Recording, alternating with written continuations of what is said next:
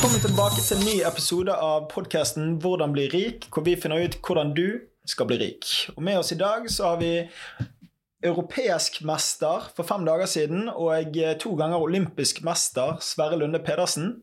Velkommen. Tusen takk. Du, du vant for fem dager siden eh, EM i lagdistanse. Ja. Lag, Ja. Lagtempo. Lagtempo. Hva, hva er lagtempo på skøyter? Lagtempo på skøyter, det er tre, tre stykker på samme lag. Eh, åtte runder.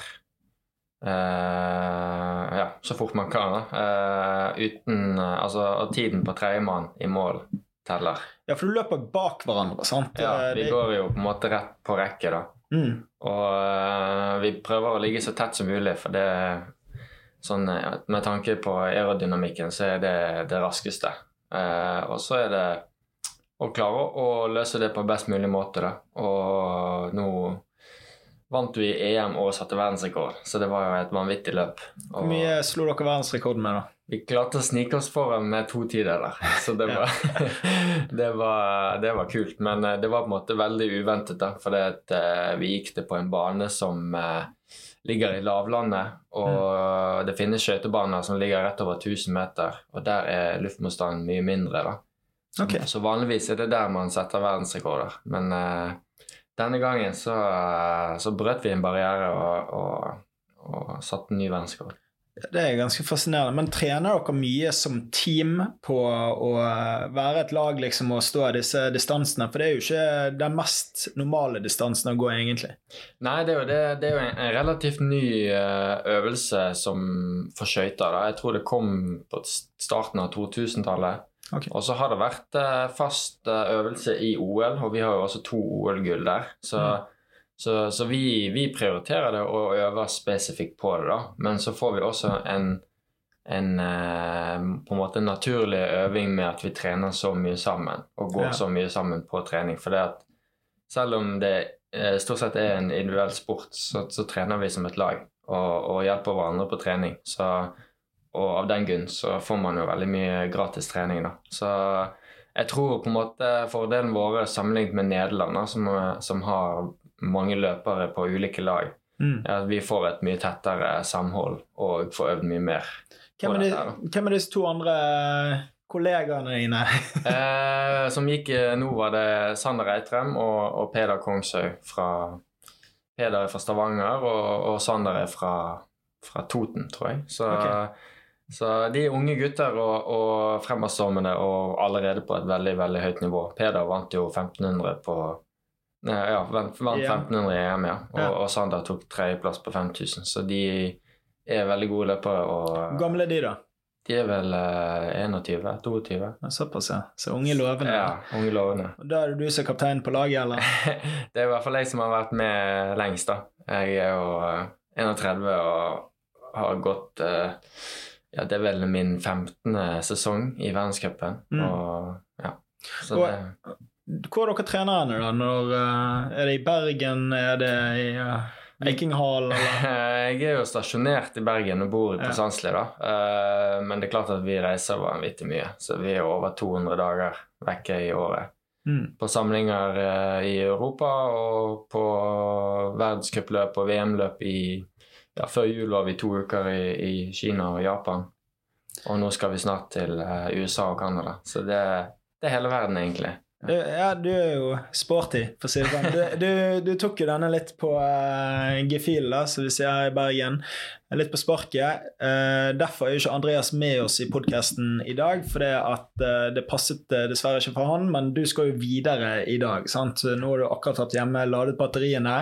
Og som du sa før vi begynte å spille inn her, så fikk du ikke truffet din egen sønn og kone engang. av- Kanskje du har truffet din kone? Jeg vet ikke. Ja, jeg, jeg, de, jeg har sett de litt, og fikk, heldigvis så var han jo friskere i går, da. Men eh, Ja.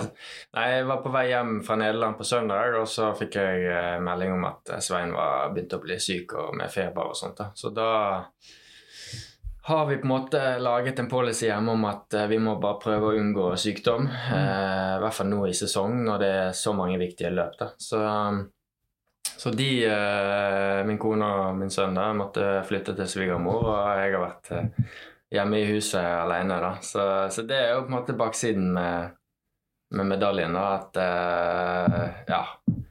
At uh, det er jo en del uh, små sykdommer i barnehagen og sånne ting. Det er sånn, det, sånn er det bare.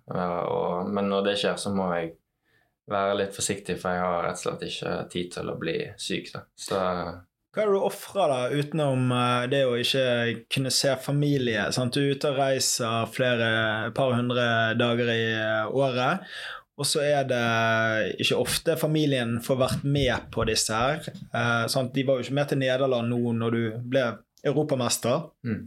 Og hva, hva, er det man ofrer som toppidrettsutøver for å komme og nå toppen? Uh, nei, altså Det er jo spesielt, noe spesielt når man får familie. da. Det merker jeg jo en forskjell på. Uh, det er litt annerledes nå sammenlignet med når jeg var tidlig i 20-årene og bodde hjemme hos mamma og pappa. Da, da, var jeg nesten bare glad for å komme meg ut av huset. Men uh, det er litt, uh, litt, mer på samvittigheten nå når man reiser, og spesielt de der lange turene. er litt, uh, litt seig i starten sånn mentalt. Og, og ja, det, det, er hardt å være vekke fra de, og Spesielt han minste skjønner jo på en måte ikke hvorfor jeg er borte, men så jeg må bare prøve å tenke at han har det, han har det bra hjemme, og, med, og vi har eh, familie rundt oss som, eh, som, stiller opp og hjelper til. Eh, for det er jo, det er tøft å være Å ikke være At det på en måte ja, Ingunn er jo mye alene med Svein, så, så det, det, er en kabal som må løses, da. Så, så, så, det er egentlig den samvittigheten min som er tyngst sånn sett når man er mye vekke. Det er det. Nå skal du fem uker til eh, Nord-Amerika og mm. gå noe løp. og uh, Er det noe man trener seg opp til, eller er det verdensmest... Nei, uh, verdenscupen går i, eller? Ja, det, det skal være to verdenscuper først, og så avsluttes det med et VM. da. Så um, det gjelder egentlig, og det er jo VM som er det store målet. Ja. Så der håper jeg å Jeg håper jo å få gå i hvert fall lagtempoet 5000. da. Mm. Så målet er å kjempe om medaljene der, og lagtempoen har vi jo vist at vi kan uh, virkelig uh, kjempe om å vinne, vinne da. Så, så det, blir, uh, det, blir, spennende. Du, du snakker litt om det med far og sønn-dynamikken her. Og du har jo en far som har vært skøyteløper sjøl, stemmer det? Det stemmer. Og han er treneren din? Eh, han var. Han var, han var, trener, han var landslagstrener fra 2010 til 2014, mens nå mm. er han mer en rådgiver og en pappa, da, kan du si, i, ja. i, i, i satsingen. Så Men er han med og når du er ute og reiser nå, uh, er rundt deg i støtteapparatet der, eller er han hjemme og uh, passer på din sønn og kone at alt er greit og fungerer der? Han er, han, er, han er, utenfor støtteapparatet, på en måte, men han reiser Så Han var jo med mamma og så, og Ingunn var med òg, mm. og så nå i Heerenveen. Så, så de prøver å reise på på skøyteløp av og til. Nå har de jo pensjonert seg begge to, så, okay. så, nå har de litt mer tid, og, så det er jo veldig kjekt. det. Mm. Eh, og så følger de mye med på TV-en og, og, daglige meldinger. Så um, så det, det, er veldig kjekt, det. Var det der interessen kom fra, at din far var Hvor, hvor langt ut i karrieren var han når du liksom begynte å gå på skøyter?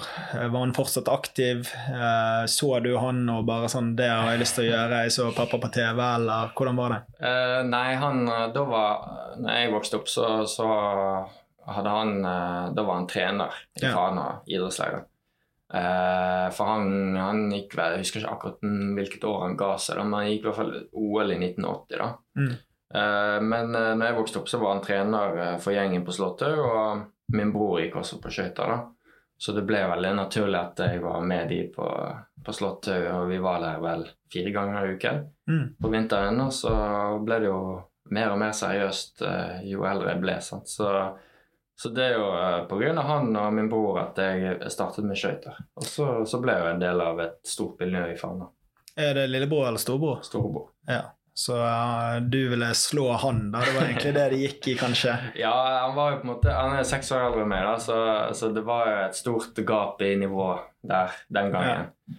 Og så ga han seg på en måte før jeg rakk å bli og, ja, Han ga seg når han var par 20. Ok. kanskje. Så, så sånn sett så har vi på en måte alle konkurrert mot hverandre. Men eh, ja. Men det, det er jo et lite sånn skøytemiljø her i Bergen, sant. Uh, Lorentzen er det nei, hva- Håvard. Håvard Lorentzen, sant. Han vant jo eh, to OL-gull i 2018. ja, ett gull på 500 og så sølv på 1000. Så, Ja. Ja, og, men han var ikke med på lag eh, Nei. Men eh, ja, dere var jo eh, liksom de bergenserne som tok eh, OL-gull. sant? Det er jo ikke all verden av vinteridrettsøvere vi har her i Bergen. sant? Og, og skøyter er Vi har jo egentlig ikke forutsetning for å skulle bli verdens beste på skøyter heller. Hvor, hvor skaper man den kulturen og samholdet som gjør at man klarer å få folk i ja, aller øverste sjiktet innen idretten? Ja, det er et veldig interessant spørsmål, for det var jo det strider, jo, det strider jo egentlig mot alt at vi skulle bli gode i en vinteridrett her i Bergen med det, med det klimaet vi har her. Men eh, nei, jeg tror ene og alene det er det miljøet som vi ble en del av da, i Fana. Jeg husker det var en stor gjeng, og vi fikk eh, mange kompiser, og vi reiste rundt på treningssamlinger og løp rundt om i Norge og hadde det veldig kjekt. da. Det ble på en måte Ute på isen så ble det det røde toget som gikk av gårde. Eh, samtidig som jeg følte at eh, vi hadde eh, veldig kompetente, profesjonelle trenere i klubben. De var også flinke til å, å komme med utstyr og påkledning, sånn at vi følte oss hele tiden som et stort lag Mm. og er veldig kollektivt og Ja, det var på en måte en veldig sånn go i gjengen, da. Eh, og eh, mange gode løpere. Eh, det kom også en del fra sykkelmiljøet over. Ja, for sykkel er jo nesten det du driver med. Det, det, det er nesten det jeg Du trener er vel mest- mer sykkel Ja. enn uh, skøyter? Ja, det gjør jeg.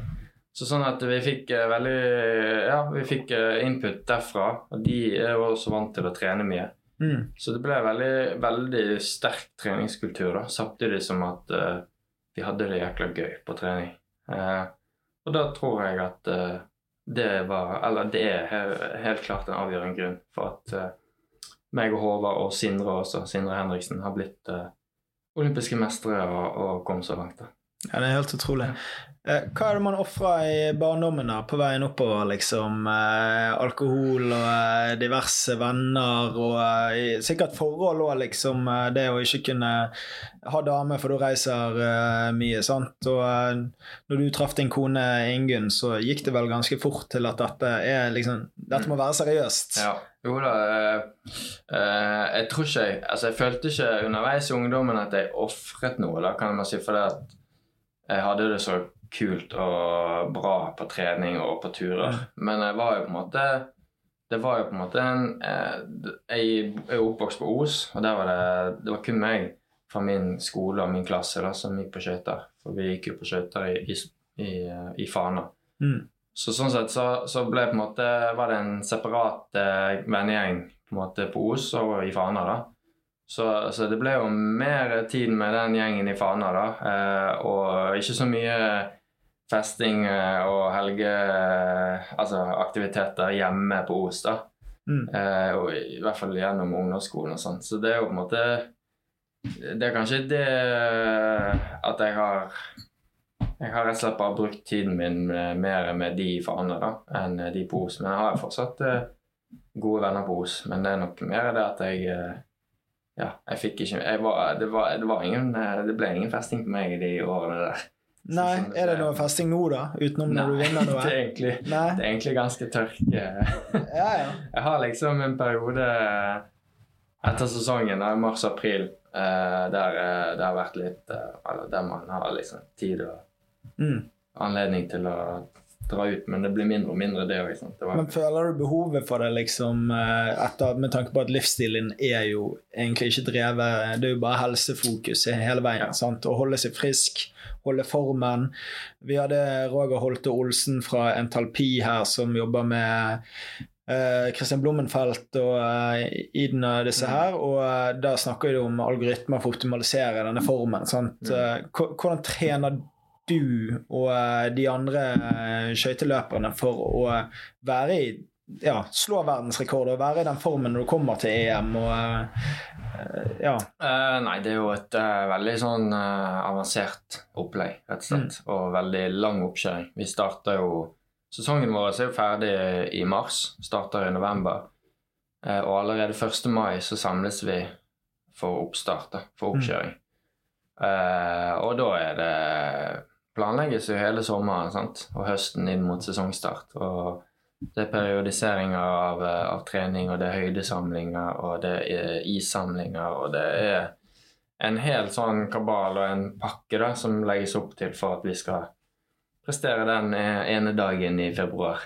Ja, Så det, det er et veldig avansert opplegg, og, og vi har dyktige trenere i eh, støtteapparatet vårt, og, og en veldig sånn veldig ung og fremadstormende lag, da, som er veldig seriøse og, og virkelig vil uh, utvikle seg. Da. Og det Jeg tror summen av alt det gjør jo at uh, vi kan sette verdensrekord.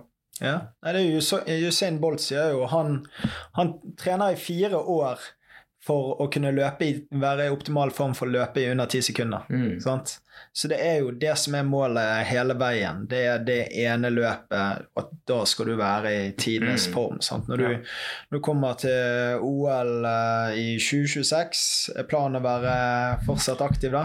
det er, ja, det er jo en sånn eh, Det er eh, på en måte en litt sånn eh, eh, Ja, det er noe jeg ikke har bestemt meg for ennå. Jeg har jo etter OL i Beijing i 2022 så så, så jeg fram til mm, disse to årene, da, til den, ut denne sesongen, og har klart liksom ikke å ja, Jeg syns det har vært langt fram å se fram fire år fram i tid, da. Så det er, en, det er en tøff og vanskelig avgjørelse, det er klart. Mm. Eh, Jeg liker sporten og, og treningen og liksom utviklingen min i, på vei til de målene mine, da. Samtidig som at eh, det er mye reising, jeg har vært mye borte fra familien de siste årene og har egentlig holdt på med dette her i veldig mange år. Så det er, ja, det er mange eh, for og mot eh, å fortsette, da. Så eh, vi får se. Hva er målet dine da?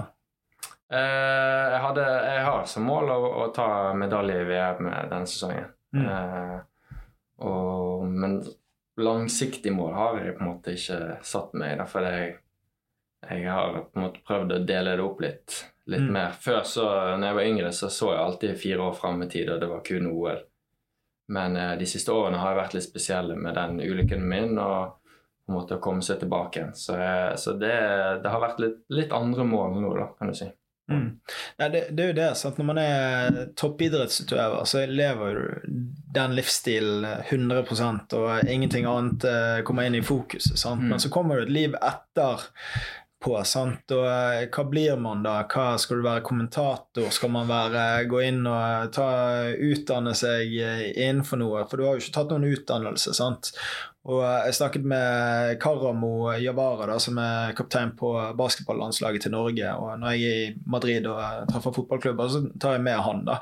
Og eh, han har jo begynt å investere litt uh, i eiendom og sånne ting her i Bergen. Og så er jo det å bygge nettverk. sant? Alle vil ta i deg når du er hot shit og er aktiv, sant? Mm. men den dagen du pensjonerer deg, så er det kanskje ikke like sexy å eh, ha ja, fått fatt i deg, da. Så jeg tagget jo deg i går på LinkedIn eh, om at du skulle være gjest her. sant? Og da så jeg, du, du har jo ikke vært veldig aktiv, du har ikke lagt ut så mye der. sant? Men jeg tror veldig mange har lyst til å være i ditt nettverk, i Mm. hvert fall nå når du er aktiv og er på topp. Mm. Eh, og det, det tror jeg er viktig å bygge det eh, næringslivsnettverket for å faktisk eh, kunne ha noe å falle tilbake på når den tid kommer, da. Mm. Sant? For det at mange som har den mentaliteten som du har, for den er ganske unik. sant? Mm. Det ønsker folk å putte inn i eh, store sels selskaper, konsulentselskaper. sant? Det er Mm. performance hele veien, og du har lederegenskaper. Og eh, det har jo man sett med Raymond Kvisvik som gikk inn i Chess, sant? Vidar Riseth i Rema 1000, og eh, Trond Nymark fra Os Mm. som var verdensmester i kappgang. sant? Eh, Og eh, ja, han har gått inn i Cantega, som er et sånn uh, konsulentfirma. Men det er mentalitet. Det er noe unikt over dere, men det er jo det å skulle bygge det. sant? Mm. Og så lurer jeg på når du begynner å skulle ta dette veldig seriøst og satse på å bli uh, verdens beste skøyteløper, sant? hvor finner du da de støttespillerne som skal hjelpe deg til å bli verdens beste. Sånn, du, det er nesten som å hente investorer. Du går jo rundt, du trenger mm. penger, du trenger utstyr, du trenger reise. Det er mye kostnader relatert til det, og så skal du gjerne overleve i tillegg. sant? Mm. Det er greit å bo hjemme hos sine foreldre i starten av 20-årene, men du, du, skal jo opp og videre. sant? Mm. Hvor, hvor, begynte du uh, Når begynte du å jakte sponsorer og partnere, og uh, ja, uh, ja, det er jo det er òg en vanskelig bit med spesielt som skøyteløper, for det, det, er jo interessen for skøyter og den på en måte verdien vi har i sponsormarkedet, er ganske tøff. Og, eh, men heldigvis så har det såpass gode resultater i 2018 eh, med OL der, når vi vant OL-gull på, på lagtempo og jeg tok medalje på 5000, da, jeg, eh, da var jeg på, på, måte på ballen sjøl mm. i etterkant og send, eh, sendte ut masse forespørsler. Eh, og der fikk jeg en, eh, en sponsor eh, i Kredinor da, som mm. var med på fire år fram til Beijing. så det var, det var på en måte helt avgjørende for min satsing. Eh, for da hadde jeg akkurat eh, flyttet ut og hadde faste utgifter hjemme og på en måte trengte noe å leve av. Mm. Eh, men det, det, var noe jeg Det var mitt eget initiativ. Og så er vi jo på en måte del av et landslag, da. Men på det landslaget så har vi kun ja, økonomien er ikke bedre enn at vi, det er kun dekket reise og opphold. Mm. Det er ingen lønn som landslagsløper i, i Skøyteforbundet. Så så, så, egen inntekt må vi egentlig, det er egentlig opp til oss sjøl å mm. ordne. Uh, og uh, etter uh, avtalen med Kredinor gikk ut, så, så, fikk jeg hjelp av en god kompis og en som jobber som er selvstendig, jobber med videoproduksjon. Kristian mm. Vårvik heter han. Han, han, hjalp meg med, med stand-biten. da, Å markedsføre meg sjøl og, og, lage en profil og, og nå ut til nye samarbeidspartnere. da. Og sammen, eh, eller takket være han, da, så har vi fått på plass for disse to årene eh, avgjørende samarbeidspartnere til å dekke min satsing, da, som gjør at jeg kan unngå å måtte jobbe da, mellom treningsøkter og, og sånne ting. Så det, for det går på hele familien, ikke det? Det er jo uh, Ingunn uh, må jo passe på barn på en måte når du ikke er til stede ganske mye. Hvor, uh, har hun jobb ved siden av, eller? Ja, hun har full jobb. Så, så, nå er det jo på en måte ok når, når han går i barnehagen. men de første året, to årene, da, for vi, vi, måtte, vi ventet litt med å sende han i barnehagen til jeg hadde reist til OL. han kunne egentlig begynt han er født i 2020, da, så han kunne egentlig begynt halvannet år etterpå, men da var det jo inn i OL-sesong. Ja. Og da måtte vi uh, unngå sykdom. For det første året i barnehagen, det er Det er mye sykdom. Det er Så sånn at ja. Da ventet vi et halvt år, og da måtte hun ta uh, ulønnet permisjon. Ja. Så sånn at uh, vi, vi, vi, har, eller hele familien og støtteapparatet rundt har virkelig uh, gjort alt for at jeg kan drive på med dette her. Og for det er ikke en sport du blir rik av, det er jo en nisjesport. Du bygger mye heltestatus i nordmenn sine øyne i noen dager, sant? når uh, alle står, sitter hjemme og ser på OL og mm. VM og EM, men man blir jo fort glemt. Men du har jo du har god engasjement eh, rundt communityet du har på uh, Facebook og Instagram, har jeg sett. Altså, det er jo noen, du har noen die hard fans. Men... Ja da. Det, og det hjelper jo litt at, eh, at du har vært med så lenge og har oppnådd store ting. da. Ja. Så det er, jo, det er, jo, på en måte en Jeg tror jo på en måte at vi, vi, vi har jo en synlig profil, spesielt her på Vestlandet, og, men sikkert òg i Norge med de resultatene vi har. og det har jo vært litt eh, på en måte Ikke bare resultatene jeg har fått omtale for. Det har jo vært en, eh, en sykkelkrasj der jeg var nær døden, og så i tillegg et fall i VM da, som skapte mye blest òg. Så, ja.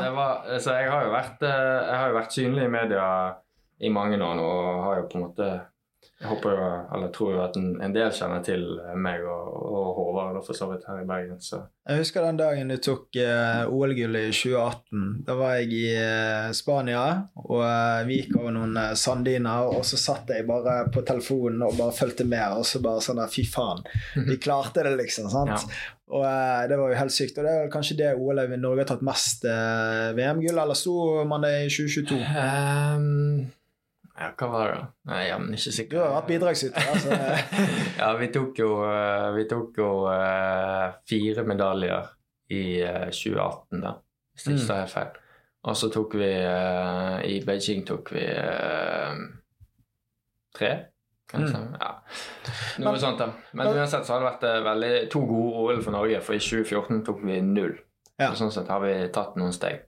Absolutt. Det merkes jo at miljøet er godt på vei oppover. Og dere er jo forbilder for de andre som du tok EM-gull med nå, sant? som har kommet og sett hva dere har gjort, og motivert. Sant? For veldig mange faller jo av i en alder av 13-14 år, sant? når man begynner å få nye venner på videregående og rundt der. Mm. Og da må du enten ta et valg. Enten går du all in og satser, eller så eh, dropper du det. sant? Uh, når du vant OL i 2018, så var jo du på toppen. Og, og du fikk inn Kredinor, og så fikk du en, Du hadde noe Audi som du hadde så sponsor. Var det Sandveen du hadde inne der? Eh, ja, jeg hadde ett år med Sandveen, og så hadde jeg også to år med eh, To eller tre år med Møller, Møller mm. på min del. Eh, og eh, nå har jeg eh, Jeg er så heldig å ha Bertil Steen på, på Kokstad. Så mm. Så de Jeg syns egentlig uh, på en måte interessen her i Bergen og på en måte generelle stemningen til samarbeidet har vært veldig positiv. Mm. Og det er jo tøffe tider, og det har vi jo merket som idrettsutøvere. Det har vært mange nei, og mange som ikke har mulighet til å, til å bidra selv om de har lyst til det. Så mm. det setter jeg veldig pris på. Det er jo helt avgjørende for oss som idrettsutøvere. Ja, man ser jo sant, Red Bull og Monster går jo overalt på capser rundt mm. omkring. og kommer til eh, slalåm eh, og alpint, så er jo det eh, Telenor eh, overalt. sant? Eh, snakker du med noen av disse aktørene i forhold til å få eh, en cap-sponsor eller noe sånne ting? Liksom, mm. Tenker du på deg sjøl som et varemerke, og hvordan du kan finne riktige partnere der? Ja, vi prøver jo Vi har jo prøvd å på en måte gå veldig bredt. Eh, spesielt uh, sammen med Christian, da, så har vi prøvd å nå ut til mange. Og det er jo mange som er interessert. Da, men uh, Og så må man jo også huske på at som, som en del av Norges Skøyteforbund, så har jo også uh, på en måte ikke frie tøyler, da, kan Nei. du si. vi har lov til å ha én logo på skøytedrakten vår. Ikke, ikke det er litt ødeleggende? Med tanke jo. på at man ønsker å satse hardt, og det koster mye. Sånn, hva man ofrer uh, hvis, hvis, ikke du er nummer én i verden, da, uh, og vinner OL-gull eller EM eller VM, så er det veldig vanskelig å skulle leve av det og premiepenger og diverse. Sant? Jeg tror det er i tennis, og hvis ikke du er blant de 27 beste, så uh, må du nesten da, da, tjener du ikke penger til livets opphold. Sant? Mm. For det koster så mye med reising og alt som er, og mm. sporten er dyr og hele pakken. Burde ikke de tilpasse seg litt mer at utøverne skal kunne leve av det og kunne velge noen sponsorer? Jo, eh, jeg tror jo dagens, eh, med dagens eh, samfunn da, at det har jo vært litt konflikt her nå med Skiforbundet spesielt, mm. og, og, han Lukas Bråten. Det går jo litt på det samme. sant? Det er jo, man er del av et landslag, og det landslaget er ekstremt viktig for utviklingen, men samtidig så, så er det individuelle utøvere som på en måte ønsker å nå sin sitt potensial på markedsfronten òg. Så det er liksom en balansegang der, eh, der man må gi og ta litt. Både fra utøver og fra forbundets side. Og jeg tror jo den debatten eh, er på en måte startet da, for eh, å kanskje endres noe. Mm. For det er klart at det er jo som når du har kontrakt med et, med et landslag, da, så, så er du jo på en måte bundet til mange ting. da, og Sånn som vi har jo Skøyteforbundet har jo på en måte låst Jeg kunne ikke gått med en Red Bull-caps ut på isen, liksom. Så, så, så, så sånn at det, det er jo uh, klare regler å følge der som en utøver. Du vil jo jeg tror jo den landslagsmodellen sportslig sett er den beste måten å utvikle seg på. Men uh, det må kanskje være mer rom for individuelle Hva skjer hvis du går med Red Bull-capsen? da? For, har du sett eh, filmen Air om Michael Jordan og Nike om hvordan eh, de fikk bot hver gang han gikk på banen med fargete sko istedenfor svarte eller hvite Ja. sko? Nei, altså, det hadde ikke vært så populært, da. Det, og ja, så eh, nå eh, Ja, nå er, har jo ikke det vært et uh, sånn kjempeproblem for vår del, eller for min del, for jeg har jo ikke hatt altså de til, Jeg har ikke hatt så mye tilbud at uh, det har på en måte kommet i konflikt med forbundet. Men uh, hvis det blir i framtiden store stjerner i kjøttsporten, så kan jeg se for meg at det kan bli litt av det samme som som i Skiforbundet, da, hvis det ikke gjøres noen endringer. For det er jo på en måte eh, Når man er på samling, så er man jo en landslagsløper, men det er jo hva, hva, hva, hva regler gjelder når man er hjemme, liksom. Som privat. Altså. Vi, vi har jo litt sånn næringslivsfolk som eh, hører på, spesielt her på Vestlandet. sant? Og eh, flere er jo opptatt av lokalidrett og sponser gjerne det. sant? Hvordan uh, approacher man en atlet som deg, liksom? Og eh, i hvilken type sjikte må man gå inn med? sant? Er det 100 000, er det 300 000, 500 000, en million, liksom? Hvor mye må man Har du forskjellige pakker, liksom, for å komme inn? Ja. Uh, og du kan jo tenke deg at den på en måte den plassen på drakten blir jo en slags hovedsponsor. Absolutt. Og den prøver jo jeg å holde sånn på en måte til en vanlig arbeidslønn. Da man kanskje må Ja. ha ting til rundt. Det for at eh, kan man også selge pakker som går på der man kanskje ikke får profilert en logo så mye, men at du kan eh, tilby tjenester da, til, eh, til de samarbeidspartnerne. Og, og, og bli kjent med de ansatte. Og ha ulike events sammen, treningsøkter, eh, treningsprogram. altså Det kan være mange ting å ha et samarbeid på. da, Og det tror jeg også har på en måte jeg har sett at det er mulig å utvikle. Eh, for det at jeg tror for bedrifter som sponser utøvere, tror jeg liker at de er litt ekstra godt kjent med utøveren Mm. og vet litt ting som ikke alle, altså man, som man ikke kan lese i avisene. Mm. Og på den måten få til et godt samarbeid. Og ja, ha ulike samlinger sammen og foredrag og alle sånne ting. Da. Jeg tror det er en, eh, en måte å ha et samarbeid på. Da. Og det har jeg også prøvd å få inn eller få til med mine, med mine partnere. Ja, vi, vi hadde jo Andreas Bakkerud her. Jeg tror den episode kommer ut før hans pga. du er så fersk eh, mester nå, da. Men uh, han har jo jobbet mye med solgt inn sponsorer sjøl. Mm. Og, og sier jo eh, Det er jo håndverkere, sant? eh, entreprenører. Det, det er folk som bare Ok, de, de, de liker det du driver med, da. Mm. De er fans, liksom. Og så har de en virksomhet, og de har noen kroner til overs, og så ja, kanskje vi får eh, halvparten av det vi i form av nye salg, eller hva det Mm. måtte være.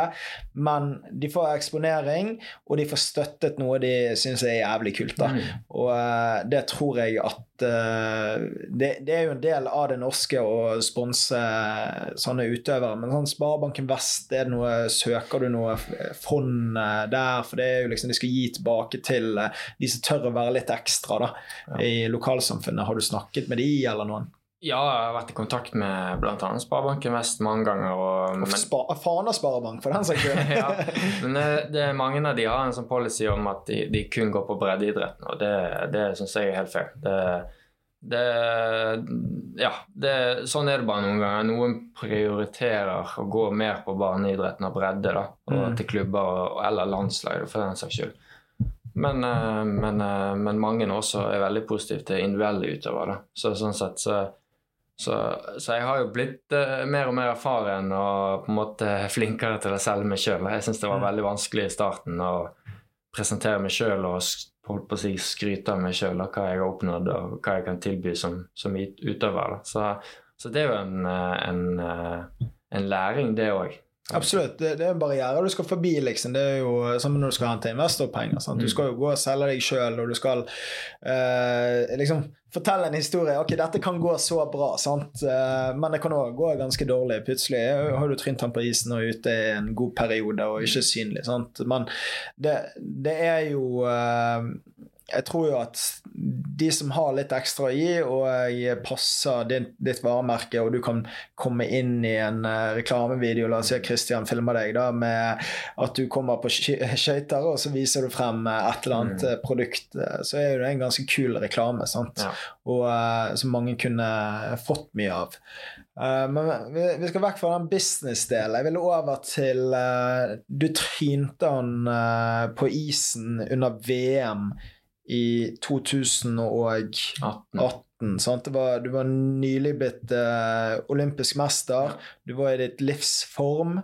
Du ledet han, du hadde vunnet de to første løpene, og så kommer det tredje løpet som er utslagsgivende. Du, det var alle forutsetninger for at du kom til å bli verdensmester på den hardeste eh, hva gren å bli verdensmester i, vil jeg si. Innenfor skøyter, kanskje? Ja, jeg føler i hvert fall at det er det, det, er det tøffeste. For vi går en sånn Det kan hete jo allround-helg, da. Det er en Mm. sammenlagt konkurranse der vi går fire løp, da. Det, første dagen er det 505 000, andre dagen er det 1510 000. Og jeg eh, ledet jo ganske klart etter tre distanser. Og på 10 000 òg gikk jeg såpass fort at det var ingen eh, Ingen fare for eh, at eh, noen skulle ta meg sammenlagt. Og så er det ni runder igjen, og så hekter jeg i, hekter jeg i svingen. Alt skjer veldig fort, så jeg, så har veldig sånn diffuse minner om det. da. Mm. Men uh, plutselig lå jeg i putene og skjønte ingenting. Og, og reiste meg opp igjen og følte meg helt pinnestiv i hele kroppen. da. Men klarte liksom å komme i gang igjen og gå igjen. da. Men jeg skjønte jo at, eh, at jeg tapte VM-gullet der. Jeg, jeg, jeg synes faktisk det er mer mester av deg når du har fyrt inn i veggen. Hvor fort fyrer du inn i veggen der? Uh, ja, vi går vel opp mot eh, akkurat den I den hastigheten der var vi kanskje 45-50 km i timen. Ja. Moser deg sjøl inn i veggen, og så går du opp på beina igjen. Og så går du ni jævla runder til på isen, 3600 meter, for så å komme i mål. Du vet at du ikke blir verdensmester. Du vet drømmen din er ødelagt.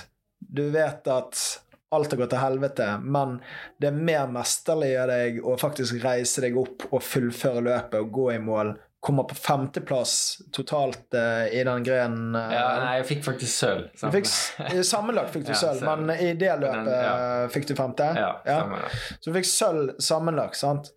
Men det er jo helt Det, det er jo en annen prestasjon. Alle som er i skøytemiljøet, vet jo at du var verdensmester. Sant? Du var best i verden der. Så, eh, og så er det å bygge seg opp igjen etter det. Og da Hva var neste målet når du For det første, hva tenker du når du går på den smellen? Uh, nei, det er jo eh, Det er jo helt merkelig, for det at Vi faller veldig, veldig, veldig sjeldent. Mm. Både som, som voksenløper. Altså, når, jeg var, når jeg var liten gutt, så falt jeg og kunne jeg falle på tre av fire løp i løpet av en helg.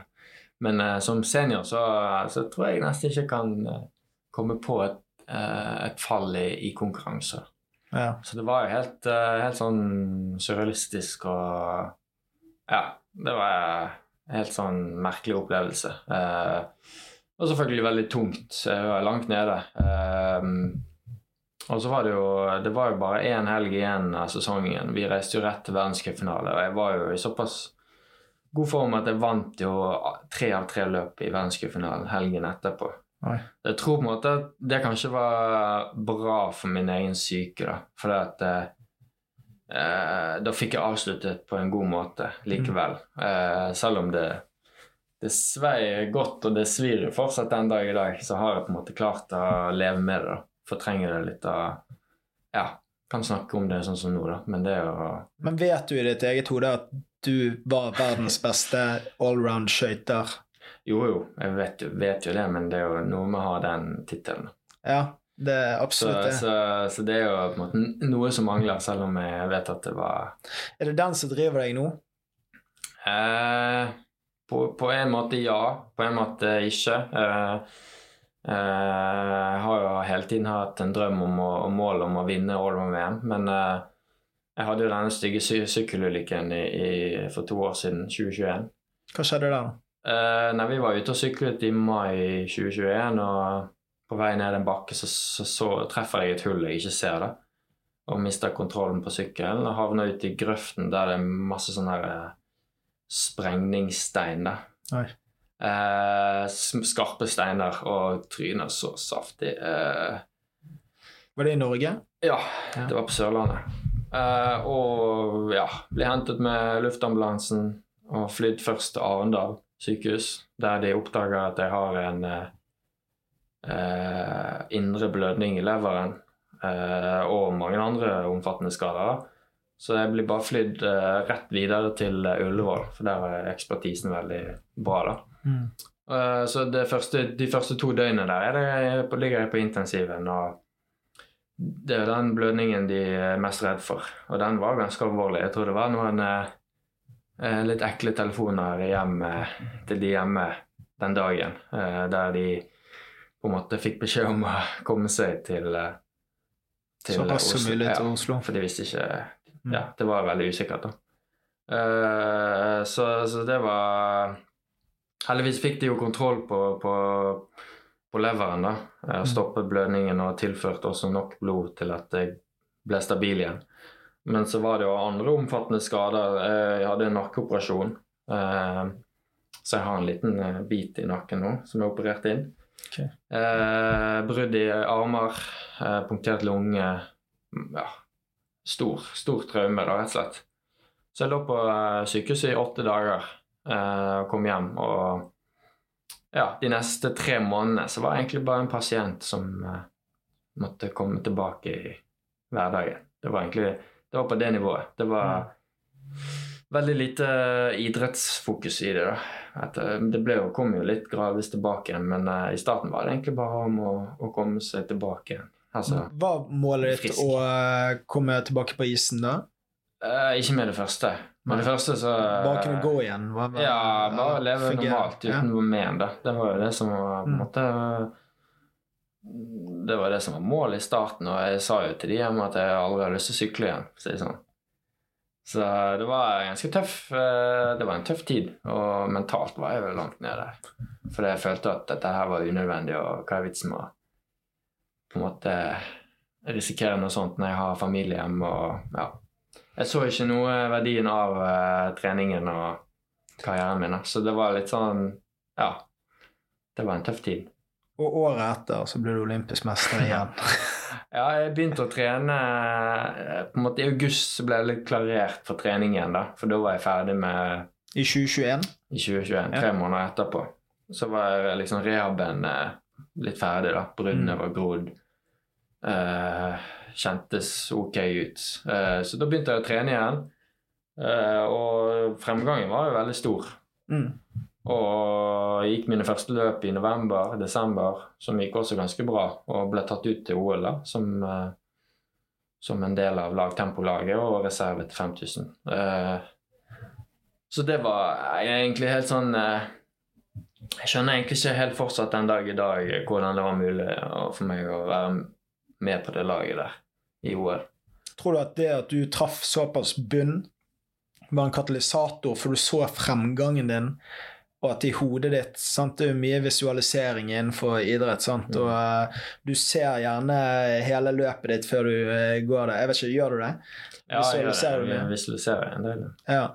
Og, og så ser du liksom fremgangen din som skjer på banen. ok, Du setter, du blir bedre og bedre og bedre, sant? og så tenker du kanskje hvor god kan jeg faktisk bli igjen? da? Mm. Og du har jo vist for deg sjøl at du kan gjøre det før, Mm. og eh, kanskje da klare å gjøre det igjen. Men det, det er jo et uh, fenomen som er med Når man blir olympisk mester, at man faller helt i dass uh, psykologisk. Hvordan er det? For det, det er jo det du har drømt om siden du var liten gutt, sant? er det noe du opplever når du Mm. eh, blir olympisk mester, at oi, nå, hva gjør jeg nå, liksom? Jeg opplevde det ikke i 2018, men nå i 2022 så var jeg helt ferdig når jeg kom hjem. Altså, jeg var Jeg orket ingenting. Jeg orket ikke å trene. Og det var jo fortsatt noen løp igjen av sesongen. Det var et VM på Hamar der etter OL, men jeg hadde ikke sjans. Altså, jeg var helt utladet, helt ferdig. Uh, og den påfølgende oppkjøringen sommeren sleit jeg masse med kroppen generelt, egentlig. Å håndtere trening. Mm. Jeg var mye syk. Uh, ja, ting fungerte ikke. Så jeg fikk på en måte veldig sånn her uh, Hva skal man si Smell etterpå, da. Så det var egentlig det, det gjør meg egentlig bare mer sånn forundret over hvordan det var mulig å få til. Mm. Så, så ja.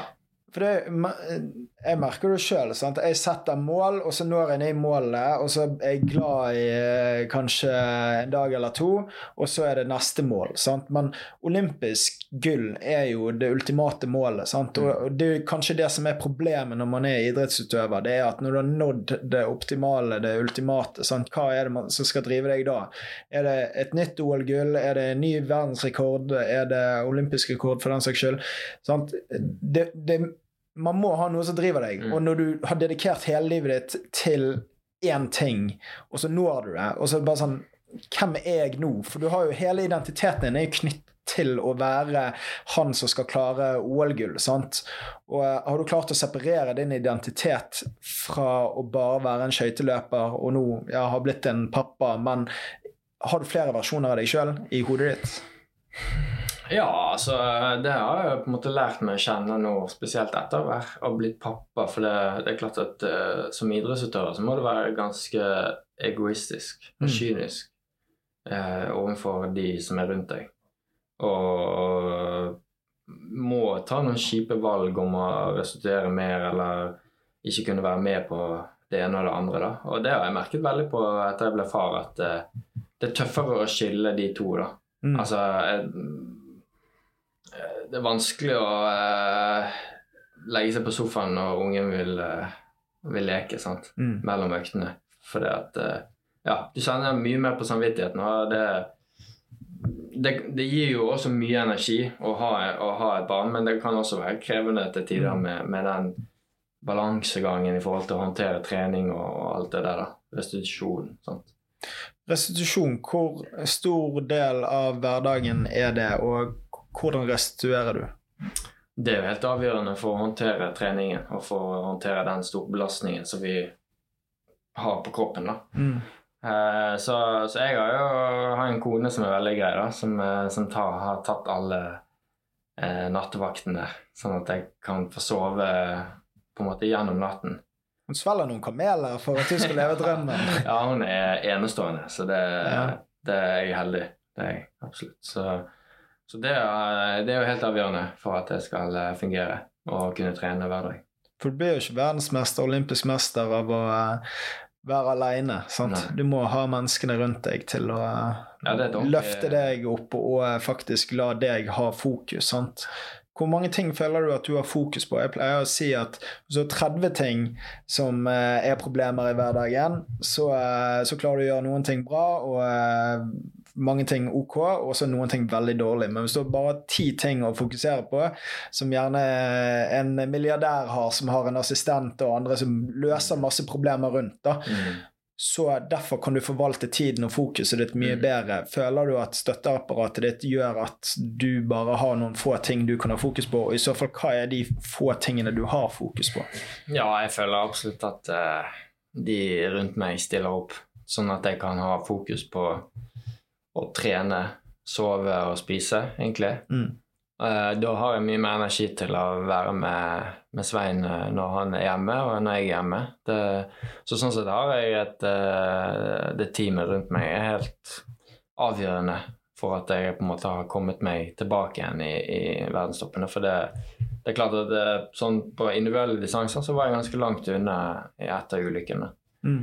Så, så fokusene mine er veldig Det er veldig enkelt, eh, på en måte. Det høres jo veldig enkelt ut, men det, altså, vi har bare Det er rundt, de rundt meg som tar, tar seg av alt det som følger med å være småbarnsfamilie og hus og alle sånne ting. Så jeg har fått lov til å ha fokus på, på treningen og, og, hvordan jeg skal bli best mulig der. Da. Og så har jeg vært heldig å ha de rundt meg til å følge opp det andre.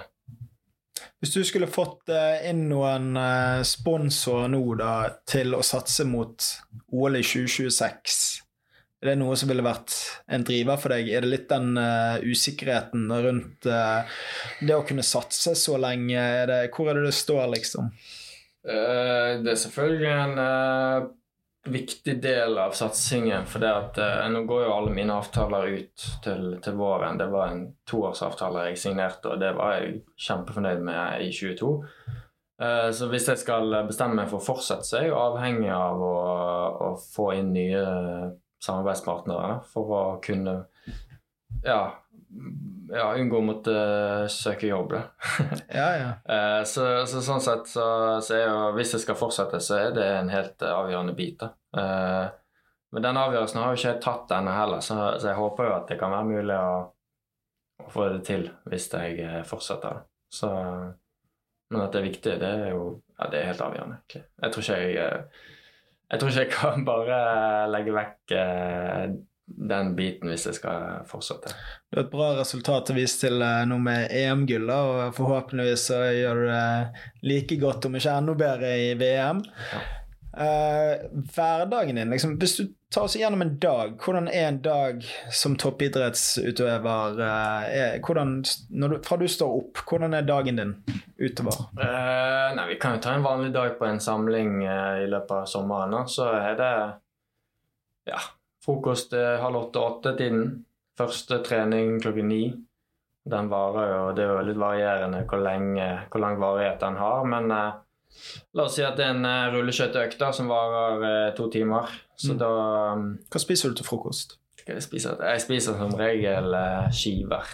Skiver ja. med pålegg og egg. Det, det, det er ikke loff det går i? Det, det går ikke i loff. Jeg prøver å holde meg til uh, brød med litt mer mat i.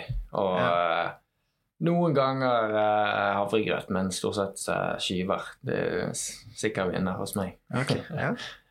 Og så etter rulleskøyter, så uh... Så er det lunsj. Og no, altså vi, noen ganger så bor vi jo steder der vi har får buffé. Mm. Lunsjbuffé. Og så andre ganger så bor vi på Airbnb eller leiligheter da, der vi lager mat sjøl. Så, mm. så nå når vi var på høydesamling i uh, sommer, så lagde vi mat sjøl. Og da er det veldig enkle ting som pasta med pesto og speilegg eller omelett eller eggerøre. Teller du kalorier, og uh, hva, er du veldig fokusert på hva du spiser, og hvor mye energi du tar i kroppen og sånne ting? Er det noen som teller dette for deg, eller du? Ja, Nei, vi teller ikke, men uh, prøver, jeg prøver å spise nok av det sunne, holdt på å si. Mm. Uh, vi er jo, Jeg har sett sykkellagene er jo ekstremt nøye. og De teller jo de 8000 kalorier ja. på et sykkelløp under ja. Tour de France. De brenner, ja, jeg tror nok totalinntaket i løpet av, eller forbrenningen i løpet av en dag er kanskje litt høyere enn vår. Ja, hva ser du for deg at du forbrenner, da? På de verste dagene er jo oppi 4000-5000 kanskje, kalorier. Ja. Det tipper jeg. Uh, men uh, de som sykler Tour de France, tror jeg har en litt høyere andel. Men uh, nei, det er viktig å spise nok og rikelig nok, og så få i seg grønnsaker og, og mm. sånne ting. Da. Så um, ja, på en høydesamling er det veldig viktig. Mye væske òg i tillegg. Og, men vi spiser òg kanskje mer på trening enn jeg har gjort før. Okay uh, sett viktigheten av å, å, fylle godt opp med energi. Det er egentlig bare, Da kan det gå i så enkelt som Haribo. Okay. så det, det, Da får du sukker med en gang. Det er den raskeste karbohydratkilden. Så, ja, For du har motsatt problem enn alle andre i verden. sant? Du skal jo bare ta opp eh, karbo og kalorier ja. uh, så mye du kan, nesten. Ja. For du forbrenner en god del. Men når du er ferdig med lunsjen, da, og jeg har hevet i deg noe pasta med pesto, hva, hva gjør du da? Nei, vi er, vi er, en gjeng som er veldig glad i god kaffe på laget. Da. Så det, ja. da tar vi og lager oss en god uh, lag, Vi har alltid med bønner og Aeropress og håndkvern. Og så lager vi uh, kaffe og hopp, kanskje setter oss litt ut i solen og preker litt og sånn. Og så er det kanskje en time på sengen. Mm. Noen ganger sover jeg, noen ganger bare kuler jeg an. og høre på podkast eller se på serier. Og så er det ny økt i tre-fire-tiden, og den eh, varer ja, rundt eh, middag, da. For seks-tiden, kanskje. Mm. Og da er jo dagen over, så da er, det middag og ja, noen spiller PlayStation, og noen andre ser serier, og det er veldig enkle dager, egentlig. Når legger du deg, da? Hvor mange timer sover du liksom på Jeg prøver å legge meg mellom 10 og 11. Ja. Uh, jeg har sett viktigheten, mer og mer viktigheten av søvn da, og rutinene på søvn. Så prøver å få inn uh, rundt 8,5-9 timer. Mm. Um, ja, leser før jeg legger meg. Ja, prøver jo Vi også, prøver jo også ikke drikke kaffe for seint på dagen. Nei, nei. Så ja. Men jeg, jeg tror denne kaffen er jævlig viktig. Sant? Som du sier, det er noe alle er opptatt av Mm. der. Sant? Men det å velge den kvalitetskaffen, for det er liksom ikke Friele-kaffe, sorry til mitt eget navn, men eh, det er jo eh, Man velger jo kvalitet, sant. Eh, det, du nyter ikke alkohol, du nyter ikke andre ting som andre gjerne tar som er aromatiske, deilige smaker, sant. Og da er kaffe sant? Nå når jeg har sluttet å drikke alkohol, så er kaffe liksom min go to for å Mm. få det liksom, de forskjellige smakene og eh, Ja. taste litt og leke litt. da. Uh, og det at dere eh, liksom grounder det sjøl og uh, gjør det fra scratch, sant? Det, det er ganske kult. da. Uh, er det, hva er favorittkaffen din? Uh, favorittkaffen? Nei, det må nok bli Tim Wendelboe sine ulike typer. da. Han har mange, mange gode, men det er som regel det jeg kjøper hvis jeg skal Da stikker jeg på Kaffemisjonen borti gaten her og Ja. handler med meg til tur. Så det, det, det er alltid med i kofferten, si det sånn. Ja. Så det, den er veldig god. Solberg Johansen har også mye bra. Bergen Kaffebrenneri. Altså. Mye godt. Så begynner å bli eh, erfaren på kaffen etter hvert. eh, ja. Ja, det er det jeg synes. Nå har jeg vært i Argentina i fjor i tre måneder, og da er liksom bare sånn all kaffe fra Sør-Amerika. Bare sånn Alle mulige smaker, og går fra kafé til kafé. og Mm. bare sånn, wow. Så du blir jo ganske bortskjemt på kaffen, men eh, du ofrer gjerne på andre ting. Ja, jeg har jo ingen, eh, ingen vinlidenskap, sant? så jeg drikker jo ikke alkohol. Og, så da er liksom kaffen blitt en veldig eh, interesse, nesten en hobby. da. Hjemme har jeg en espressomaskin òg, så det er litt gøy å ha, eksperimentere litt. Og ja, har jo på en måte fått opp eh, eh, smaken for god kaffe, da. Mm. Da bør du finne en kaffesponsor. Frile. Eh, men eh, mediterer du, eller gjør du Har du noen sånn cold plunge eller noen andre ritualer som er litt utenom det vanlige, som kanskje er litt trendy om dagen, for å restituere eller fokusere mentalt? da? Hvordan, hvordan optimaliserer du for at du er til stede og er mentalt på rett plass når du skal gå ditt løp? Uh, altså, jeg har eh, Jeg har egentlig ikke noe sånn uh, Noen sånne spesielle ting. Jeg har gått mer til en uh, til en osteopat det siste året, da, som på en måte har sett viktigheten av å holde kroppen i sjakk og sirkulasjonen god. Da, for det, jeg har hatt litt sånn der Hva skal man si Litt sånne ettervirkninger av ulykken der kroppen er litt har kompensert litt eh, og blitt litt låst. da, så For hun knekker deg tilbake Ja. til riktig eh, Ja.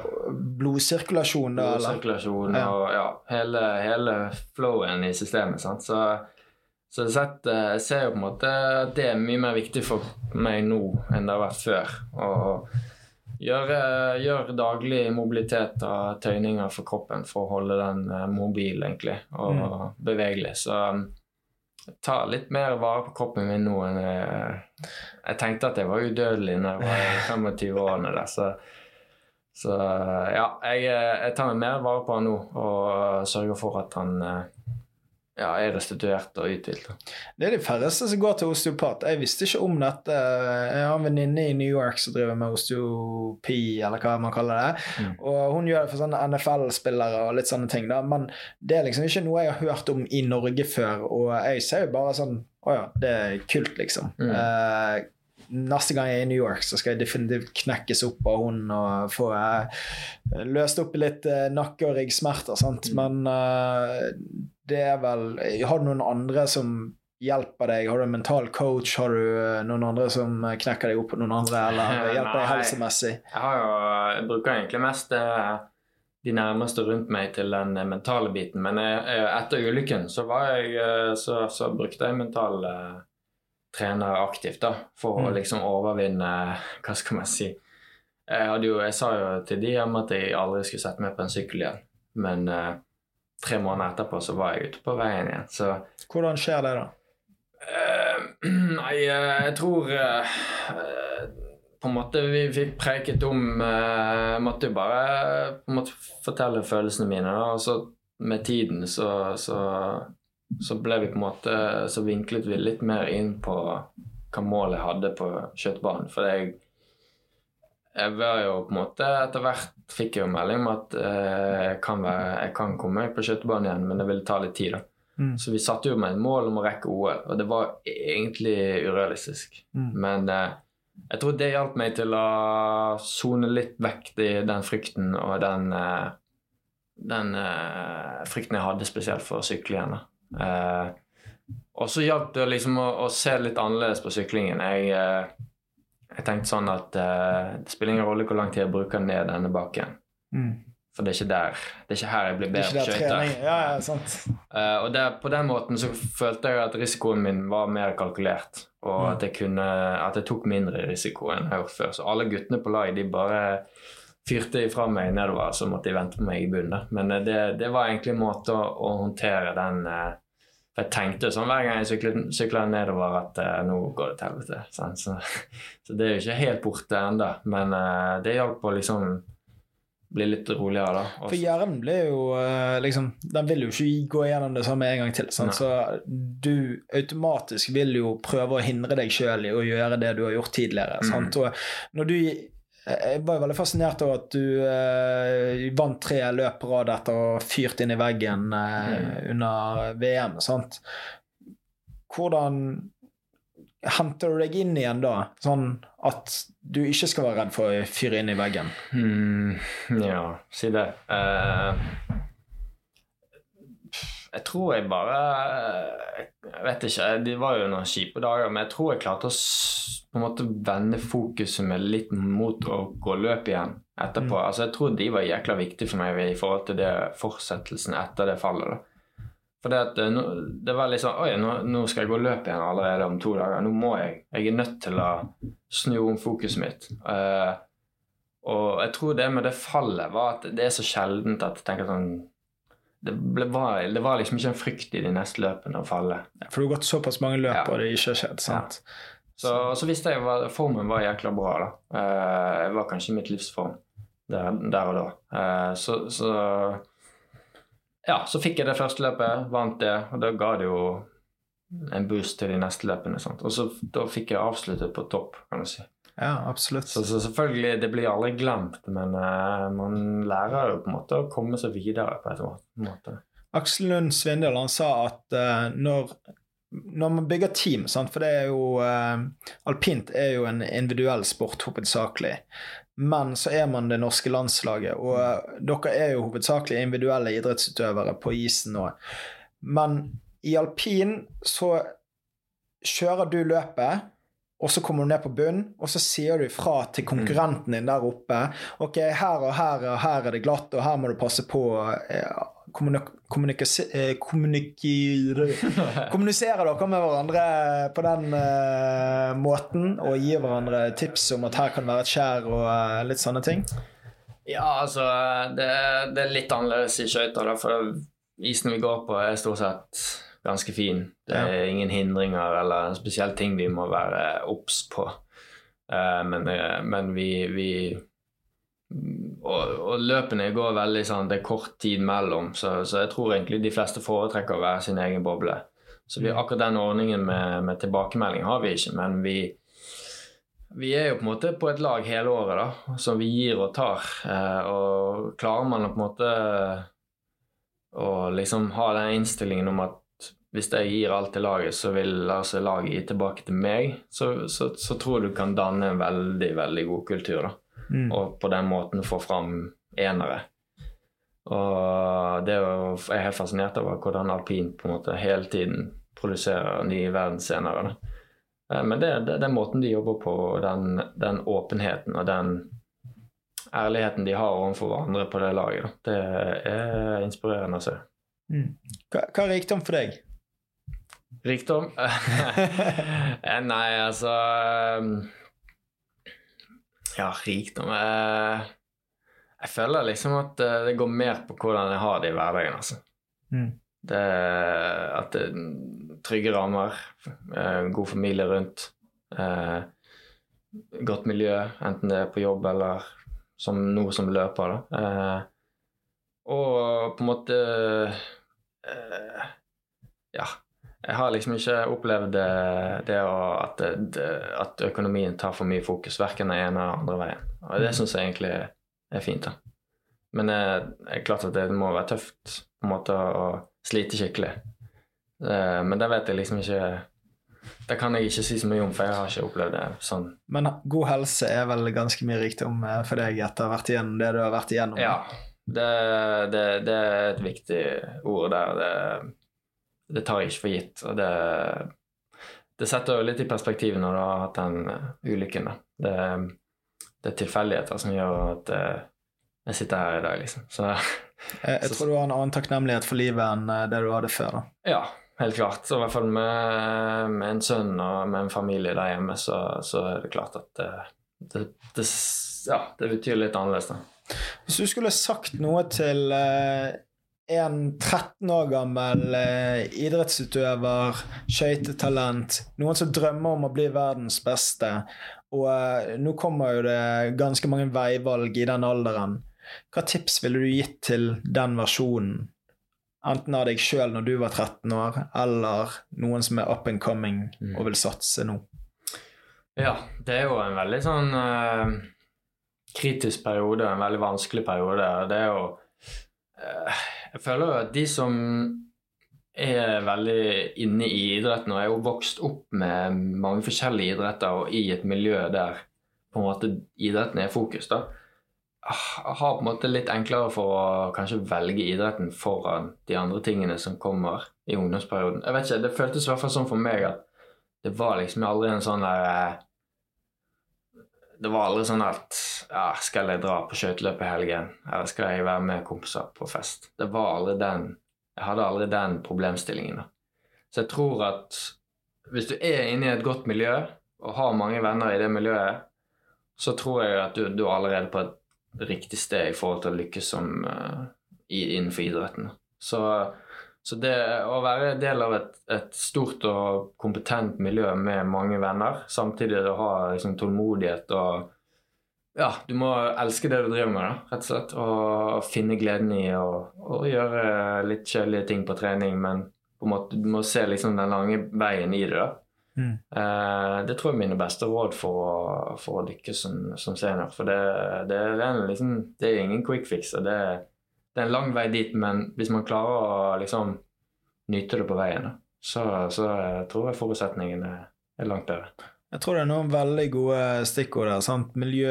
Du er gjennomsnittet av de fem menneskene som er nærmest rundt deg. Og når du har såpass bra skøytemiljø?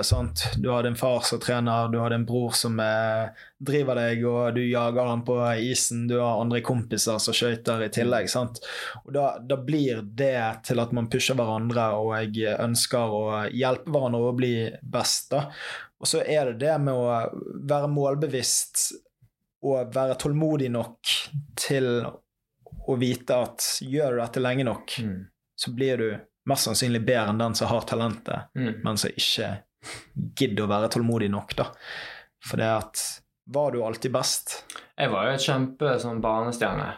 Jeg eh, vant jo alt jeg stilte opp i som yngre, så jeg var jo Jeg eh, hadde jo egentlig eh, altså Det er mange barnestjerner som faller igjennom når de kommer opp i 17-18-årsalderen. og Ofte før òg.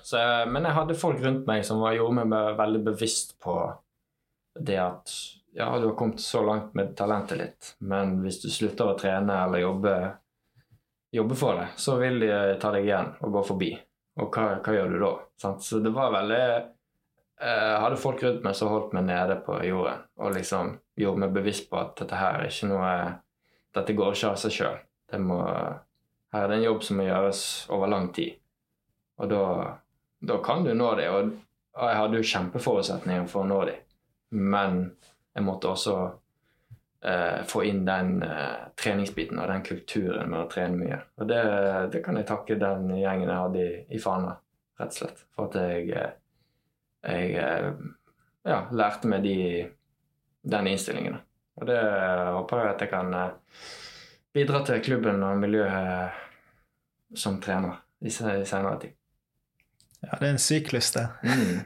Jeg tror vi avslutter der. Jeg. Tusen hjertelig takk, Sverre, for at du eh, gadd å ta tid mellom alle slagene og familie når du er først er hjemme. Jeg setter veldig pris på det. Og eh, du som hører på, dere må gjerne ta abonnere på Spotify og YouTube og der du hører på podkast, og legg gjerne igjen en eh, review, så blir vi enda bedre. For eh, like gode stjerner som dette her med på podkasten og høre utrolig mange gode historier. Og eh, takk for at du eh, hører på.